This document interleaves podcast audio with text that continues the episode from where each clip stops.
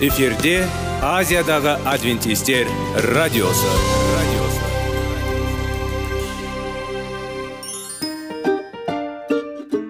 Сәлем достар. Денсаулық өмір бұлағы және біздің бірінші байлығымыз демекші денсаулық сағаты рубрикасына қош келдіңіздер. Біздің рубрикада біз әртүрлі факторларменен мәліметтерменен кеңестерменен бөлісіп шын жүректен сіздердің дендеріңіз сау болғанын қалаймыз. Сол үшін біздің рубрикаға қош келдіңіздер. Дайындалып тұрыңыздар. Өйткені келесі минуттарда қызықты фактілерге ие боласыздар. Енді достар ең бірінші байлығымызды қолымызға алып алға кеттік.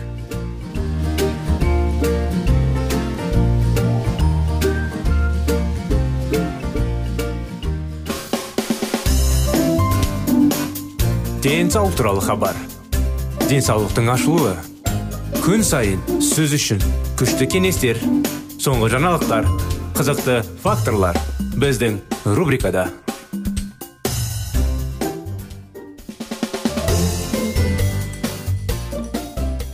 сәлем достар ассалаумағалейкум біздің құрметті радио тыңдаушыларымыз біздің денсаулық сағат бағдарламамызға қош келдіңіздер құрметті достар сіздермен бірге салауатты өмір салты саламатты болу жайлы тақырыптарды жалғастырудамыз өткен жолдардың бері сіздермен бірге дұрыс ағза жайлы темекі жайлы дұрыс дұрыс емес жайлы қозғаған едік. Соны жалғастыра кетсек сіз темекі шегесіз бе? Бұл мен науқасқа қоятын бірінші сұрақ. Себебі шылым шегу тыныс алу ағзалары ауруларының қауіп қатерінің негізгі факторы болып табылады. Және тек оларды ғана емес темекі шегу шын мәнінде өте зиянды және әрқашан қандай да бір ауруға мүгедектікке немесе ерте өлімге әкеледі. Барлығы дәлелденген сауда саттық өздерімен тиімсіз және ақмақ көрінеді. Бүгінгі таңда медицинаның міндеті қандай? Аурудың белгілі емес себебін жою. Қалай болғанда бұл алдың алу медицинасының бірінші кезекті міндеті? Өкінішке орай дәрігерге алдын алу үшін емдеуші уақыт жетіспейді. Ал адам қорқыныш әңгімелерін басқа кейде керісінше дәлдікпен әрекет ететін әңгіме кезінде нені естуі мүмкін? Адам дәлелді медицина саласындағы шынайы ақпаратты алады темекі түтіні төрт мыңға жуық химиялық қосылыстар бар. Олардың қырықтан астамы канцерогентті болып табылады екен. Яғни жасушаның генетикалық материалын зақымдауға және сау тіндердің орнына қатерлі ісіктің өсуін тудыруға қабілетті. Темекіні түтіндені никотин цианид мышьяк формальдегид синил қышқылы және радиоактивті заттар. Полоний қарғысы бар. Темекі қарабының күн сайын терілуі жылына 500 ретке сәулік жүктемеге тең. Егер никотин туралы айтатын болсақ бұл ең күшті белгілі улардың бірі. Шаруашылықта инсектицид ретінде қолданылады. Есірткінің күші бойынша ол кокаинмен салыстырады. Темекі орта есеппен 2 миллионға никотин. Темекі шегу кезінде түтін алдымен тыныс алу жолдарын түседі содан кейін бірден қанға одан кейін миға енеді. Оған шамамен 7 секунд кету мүмкін. Никотиннің ағзаға түсуі жүрекке тез әсер етеді. Ол кернеумен жұмыс істей бастады. Жүрек жиырылуы жиілігі артады. Қан қысымының арттыра отырып қан тамырларының қабырғаларын таралады. Қан тұтқыр жасалды және тромбтардың пайда болу қаупі артады. Әсіресе жүнікті никотин зиянды. Бұдан басқа ұрық оттекті ашатын зардап шегеді. Ұрықтың көтере алмау қаупі жоғары. Өлі баланың туылуы немесе әлсіреген салмағы төмен және туа бітетін дұрыс емес енді ауру бала туылады. Орташа темекі шегуде өмір үшін қауіпті. Бір бірінен төрт темекі дейін темекі шегетіндер әйелдерге өкпе обырының өлім жетімді бес есе және ерлерді үш есе арттырады. Мұны қорқынышты деп айтасыз. Ал мен көмек туралы айқайлаймын. Сос деп. Адам қауіпті. Біз сонша бей жай қарамадық. Соншалық көмек қолын созбаймыз және бірінші кезекте өзімізге қолымызды созбаймыз ба? Биіктікте ұшу кезінде төтенше жағдайлар кезінде қауіпсіздік жаралары алдымен ересек адамға оттегі маскасын құю керек. Содан кейін ол балаға көмектесе алады. Темекі шегудің салдары туралы ақпарат оттегі маскасын алуға сигнал. Біз белесінді және пассивті темекі шегулердің оттегінің таза ауаны қажет етеді. Егер дұрыс әрекет етсек еске аламыз және әрекет етейік. Демек біздің балаларға да көмектесеміз. Егер сос сигналдарын естімейтін тұрып жазсақ бронхит темекі түтінімен келіп зиянды химиялық қосылыстар жарқыраған эптистедің кірпіктерін зақымдайды қабынуды тудырады. Шырыштың жоғалуына әкеледі. Темекі шегуші қақырық бөлумен бірге жөтел мазалайды. Дәрігерлер диагнозы қояды. Созылмалы бронхит бронхиттардың қабынуы. Онда 25 пайызы темекі шегетін.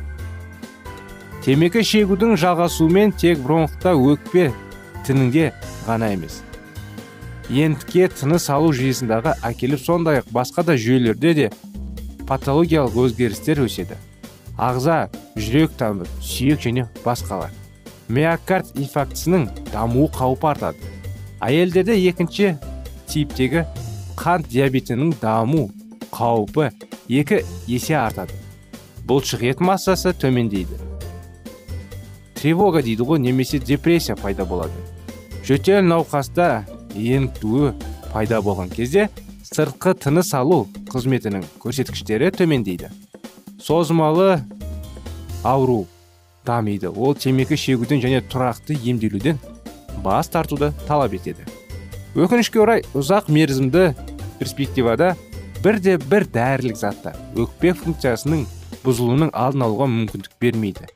Және көзінде өлімнің төмендеуіне әкеп соқпайды. Дүниежүзілік денсаулық сақтау ұйымының директоры бойынша әлемдегі өлім жітімнің жиілігі бойынша төртінші болып табылады. Ол ауру. Темекі шегуінің басты себебі науқастардың 90 пайыздан астамы даму қаупін анықтау үшін шылым шегетін адамның индексі бар. Тәулігіне 12-ге көбелетін темекі саны. 160 астам СО тәуекелінің дұрыс факторы болып табылады. Егер бұл индекс 200-ден көп болса онда адам қасақана темекі шегуші және оның міндеті бар өкпе белгілері бар. Өзіңіз ойлаңыз. Өзіңіз ойлаңыз. Сізге ауру немесе ауру емес. Ауырғыңыз келе ма ауырғыңыз келмей ма? Шылым шегуші тағы қандай ауруларға қауіп төндіреді? Ол қандай ауруларға қауіп төндіретінін біз келесі жолы білеміз құрметті достар. Бағдарламамыз аяғына келді. Сіздерді келесі бағдарламамызға қуана шақырамыз. Келесі жолға дейін сау сәлемет болыңыздар.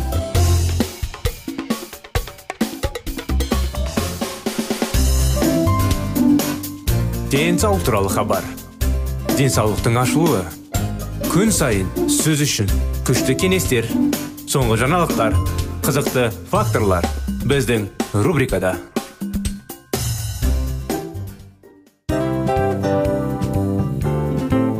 Әуелі байлық денсаулық. Екінші байлық он саулық. Үшінші байлық ақ жаулық. Ал енді осындай радио парақшадан кейін не дейміз? Барлықтарыңызға денсаулықтарыңыз зор болсын деп тілейміз. Денсаулықтың өзгеруі кішкентай нәрселерден басталады. Осымен біз берген кеңестер мен мәліметтер шын жүректен сіздер үшін қандай да бір болсын жәрдем берді деп үміттенеміз. Тыңдаушыларымызбен келесі радио парақшасына дейін қоштассамыз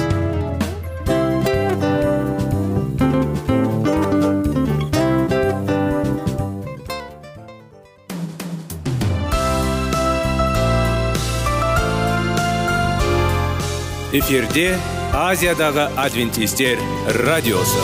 Радиосы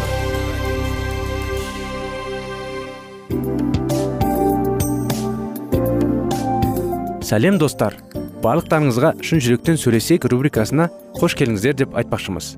Шын жүректен сөйлесек бағдарламасы әртүрлі қызықты тақырыптарға арналған. Шындығында шын жүректен сөйлесек деген сөздің мағынасы екі достың екі адамның ортасындағы шын жүрекпен сөйлесуі бір біріне сенуі ашықтық пен шындықты білдіреді. Сол үшін біздің бағдарламалар әртүрлі қызықты тақырыптарға арналған. Дайындалыңыз жаңа қызықты мәліметтерге ие болуға. Ондай болса кеттік.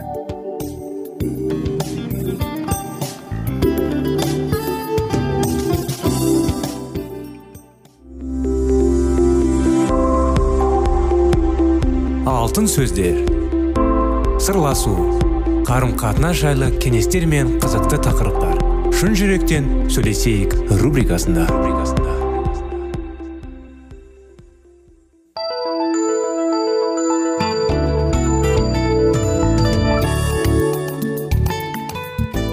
Сәлем достар армысыздар. Ассалаумағалейкум біздің құрметті радио тыңдаушыларымыз. Біздің шын жүректен сөйлесейік бағдарламамызға қош келдіңіздер. Сіздерменен бірге баланың жүрегіне бес қадам тақырыбын жалғастырудамыз.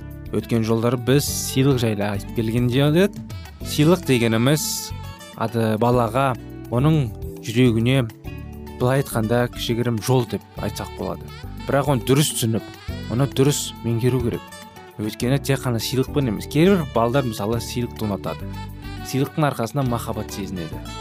Сондықтан егер ата аналар өз махаббатын сенімді сезінбейтін уақытыңда байқаса қызбен ешқашан жаман ештеңе болмайды. Ең алдымен ол баланың сезімдік сіздің махаббат сонда ол бағалы ата аналар сыйлықтармен үйрену көріп оларға көңіл бөліп қамқорлық болу.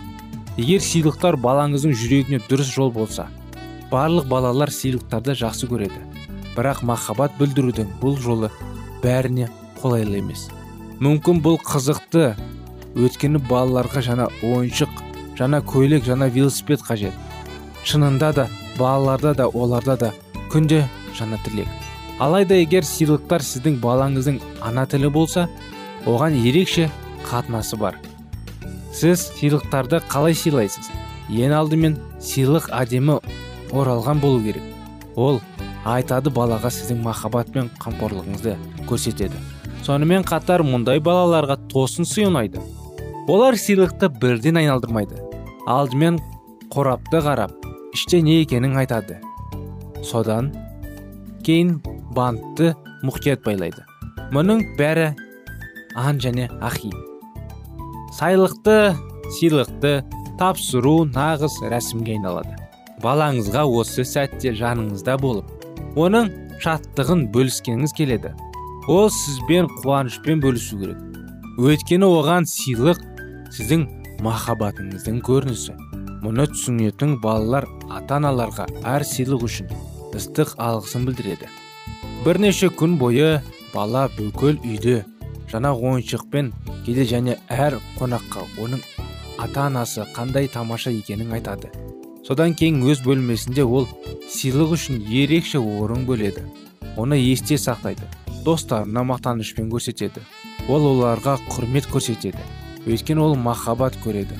Ол сыйлыққа қараған кезде ол ата анасы оны жақсы көретініне еске алады. Ол өте маңызды емес бұл қымбат нәрсе немесе үйсіз. Ол сыйлық қуантады. Тіпті егер сіз оның қалауын таппасаңыз ең бастысы сіз ол туралы ойладыңыз. Балалар айтады бұл балалардың сөздері оларға сыйлықтардың қаншалықты маңызды екенін көрсетеді өйткені сыйлықтар махаббаты бейнелейді. Бес жасар фрэнки екі күн бойы балабақшаға барады. Ол әжесіне тәрбиеші бізде өте жақсы мен оған бірден ұнады. Міне ол маған сыйлағанын қараңыз. Ол махаббаттың дәлелі үлкен жарқын сандармен көгілдір қызық.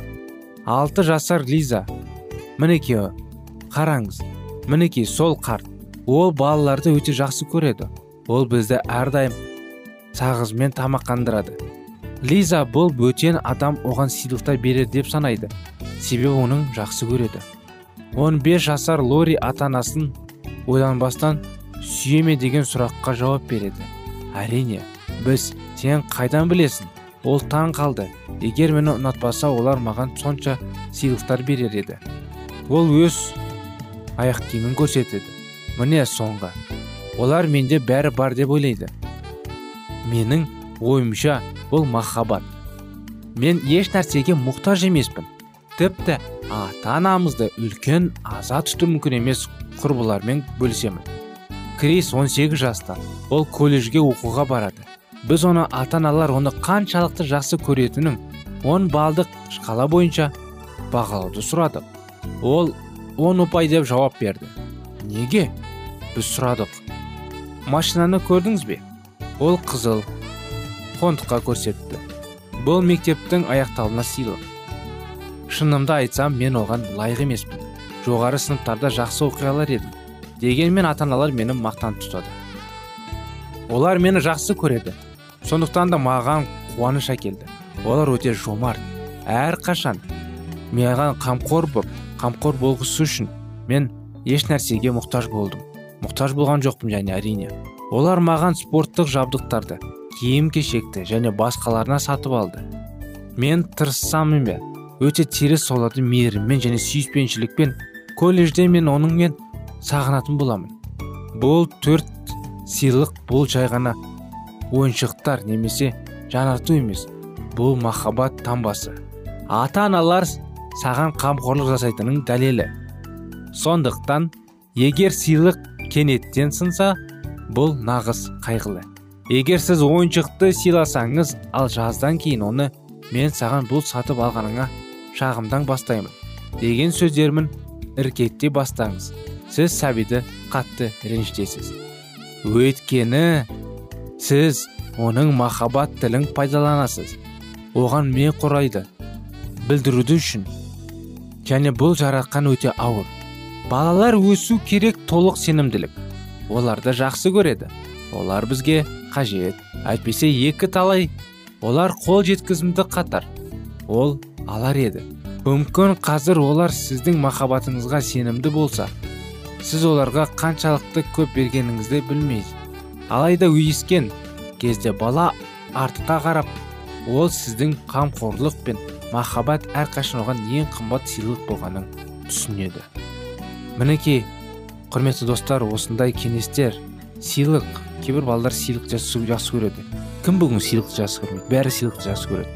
Бірақ кейбір балдар әсіресе қай жерде құшақтап сүйгенменде оған сыйлық берсең ол сыйлық арқылы махаббатты сезінеді. Сонымен келесі бағдарламада сізбен бірге көмек жайлы талқылаймыз тақырыпты. Бағдарламамыз енді аяғына келіп қалды. Бізбен болғандарыңызға рахмет. Сіздерді келесі бағдарламада қуана күтемін. Келесі жолға дейін құрметті достар сау болыңыздар.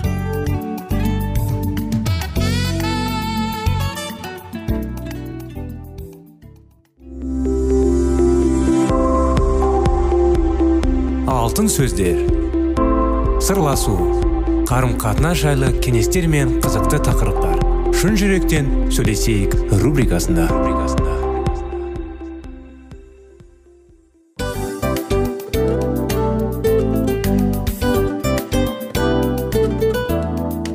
Құрметті достар барлық ең соңғы кеңестер аяқталған соң біздің программамыз соңына келіп қалды. Осы біздің мәліметтер осы рубрикада айтылған әрбір сөздер сіздерге өзінің қандай да бір пайдасын алып келді деп шын жүректен сенеміз. Және бұдан да көптеген рубрикаларымыз бар. Басқа рубрикаларымызда біздің зерттеулерімізде сіздер үшін тағы да қызықты мәліметтер дайын.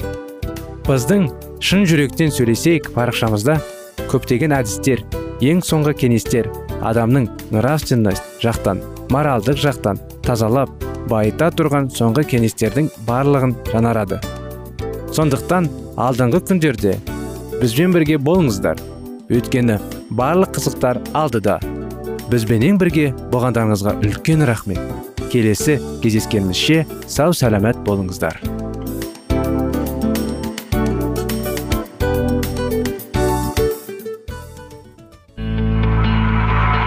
Жан дүниеңді байытқан жүрегіңді жаңғыртқан өмірдің мағынасын ойландырған рухани жаңғыру.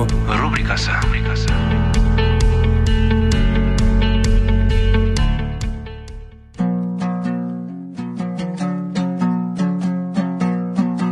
Ассалаумағалейкум біздің тыңдаушыларымыз. Келі кітаптың шындығын ашып берген қысқа бағдарламасына қош келдіңіздер. Барлығынан жоғары жаратушы біздің қарыңғылықта жалғыз қалдырып қойған емес. Өйткені ол келешекте не болу керек екенін киелі кітаптың парақтарында ашып береді. Немесе келіңіздер бізге қосылыңыздар. Жаратушы бізге нен ашып бергенін зерттейміз. Ассалаумағалейкум армысыздар құрметті достар құрметті радио тыңдаушыларымыз.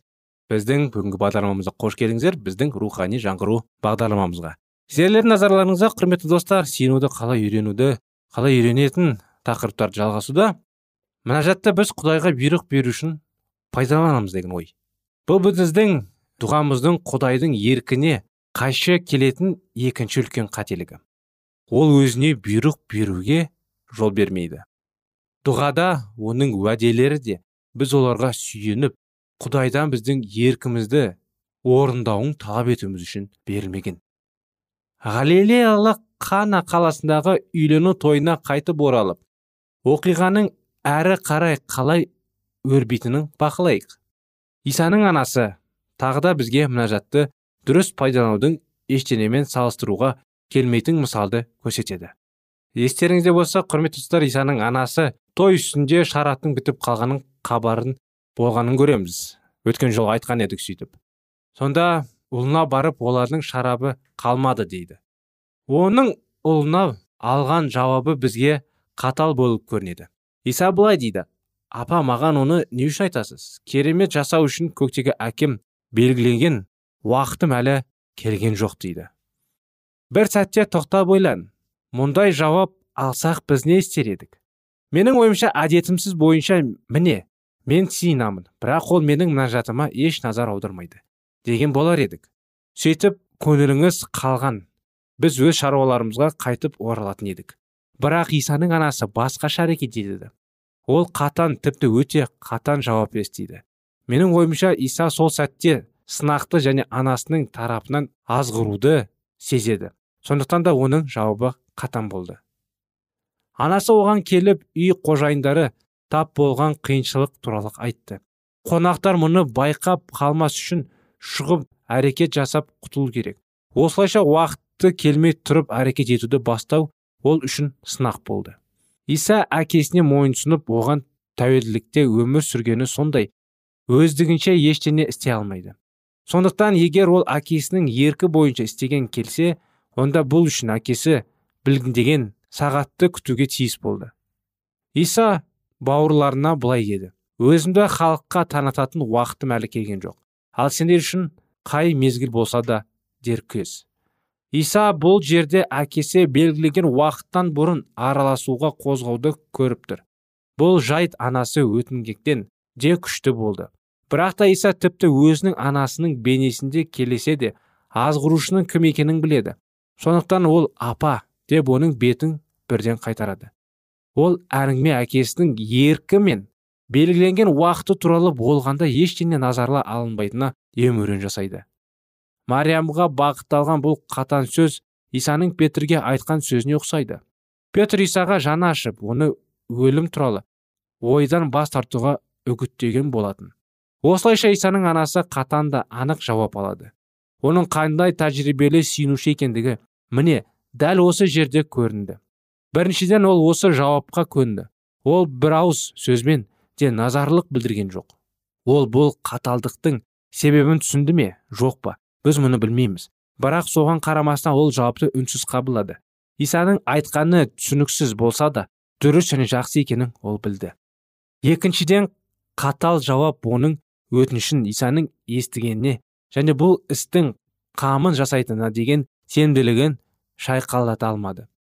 Бұған сенімді болғаны сондай ол қызметшілерге барып ол не айтса соны істеңдер деп тапсырды ол дәл не болатынын білген жоқ бірақ бір жағдай болатынын білді өйткені ол осы істі исаның қолына тапсырды ғой үшіншіден ең маңызды ол исаға бұйырған жүргізуге және оның өзі айтқан уақыттың өзгертуіне ықпал етуге тырысқан жоқ себебі оның тым жақсы білетін еді мүмкін бұрын ол әлі назареттегі үйде тұрып жатқанда анасы олай істеуге тырысып көргенде болар. Бірақ қазір ол оны тез арада әрекетті бастауға үгіттеудің пайдасы екенін үйренді. Оның өз уақыты мен сағаты болады және ешбір адам тіпті анасы да бұл жерде ештеңе өзгерте алмайды. Мариям мінажаттың бұл құпиясын үйренді. Біз өз мінажатымызбен араласуға болмайтын жағы бар екенін біз бәрін толықтай айтып айтқанда өтінішімізді қашан және қалай орындауды құдайдың еркіне қалдыруымыз қажет екен. Басқаша айтқанда мінәжат біздің құдайға ықпал жүргізуімізге және өтінішіміздің орындалу уақыты мен тәсілін анықтауға әр налмаған. Егер біз мұнажатты осылай қолданатын болсақ онда дұғаның өмірдің заңдарына қайшы әрекет етеміз. Бұл жерде біздің көпшілігіміз көп нәрсе үйрене аламыз. Біз сондай шыдамсызмыз оның ішінде мұнажаттарымызда әсіресе егер өз басымызға немесе жақынымыздың басына бір жағдай туа қалған кездерде біз құдайға келіп уайымымыз туралы қадалып айтамыз және оның араласуын күтеміз. Жақындарымыздың мұқтаждығы олардың оларға деген сүйіспеншілігіміз мінәжатымызды бізге батылдық береді. Көбіне бұл құдайдың көмегіне біздің толықтай сенім және үміт артуымызды көрінеді. Бірақ көп жағдайда біздің ашық батыл мінәжатымызға шыдамсыздығымыз араласып келеді. Жауаптың қандай болу керектігі өзіміз шешіп қоямыз. Ол бізге сондай оңай болып көрінеді. Егер құдай біздің өтінішімізді орындауды қалайтын болса онда оның тілегімізді дереу және біз қалағандай етуді басқа амалы қалмайды деген пікірде боламыз. Құдаймен мінажатты кездесуімізді осындай күйде аяқтаймыз. Содан соң сағаттап жауап күтеміз. Бірақ ешқандай өзгеріс болмайды. Ауруымыз ауруымыз бен мұқтаждығымыз жалғаса береді және құдіретті қол істің табиғи ағымына қараласпайды. Бұл біздің көңілімізді қалдырады. Мұның бәрі мұнажаттық өмірімізге қандай іс қалдырады десеңші. Мінекей құрметті достар осындай оқиғамен осындай кеңестер сүйіну жайлы. Біз құдайға ешқашан бұйрық ретінде сұрамауымыз керек. Құдайдың әр нәрсеге өзінің уақытысы бар. Кімге қандай уақытта қалай дұрыс болатын? Кезде біз адам көзқарасымен дәл осы уақытта керек деп тұрып аламыз. Бірақ олай болмайды. Мінекей бағдарламамыз аяғына келді. Келесі жолы сіздерді жалғастырамыз. Келесі жолға дейін сау саламат болыңыздар.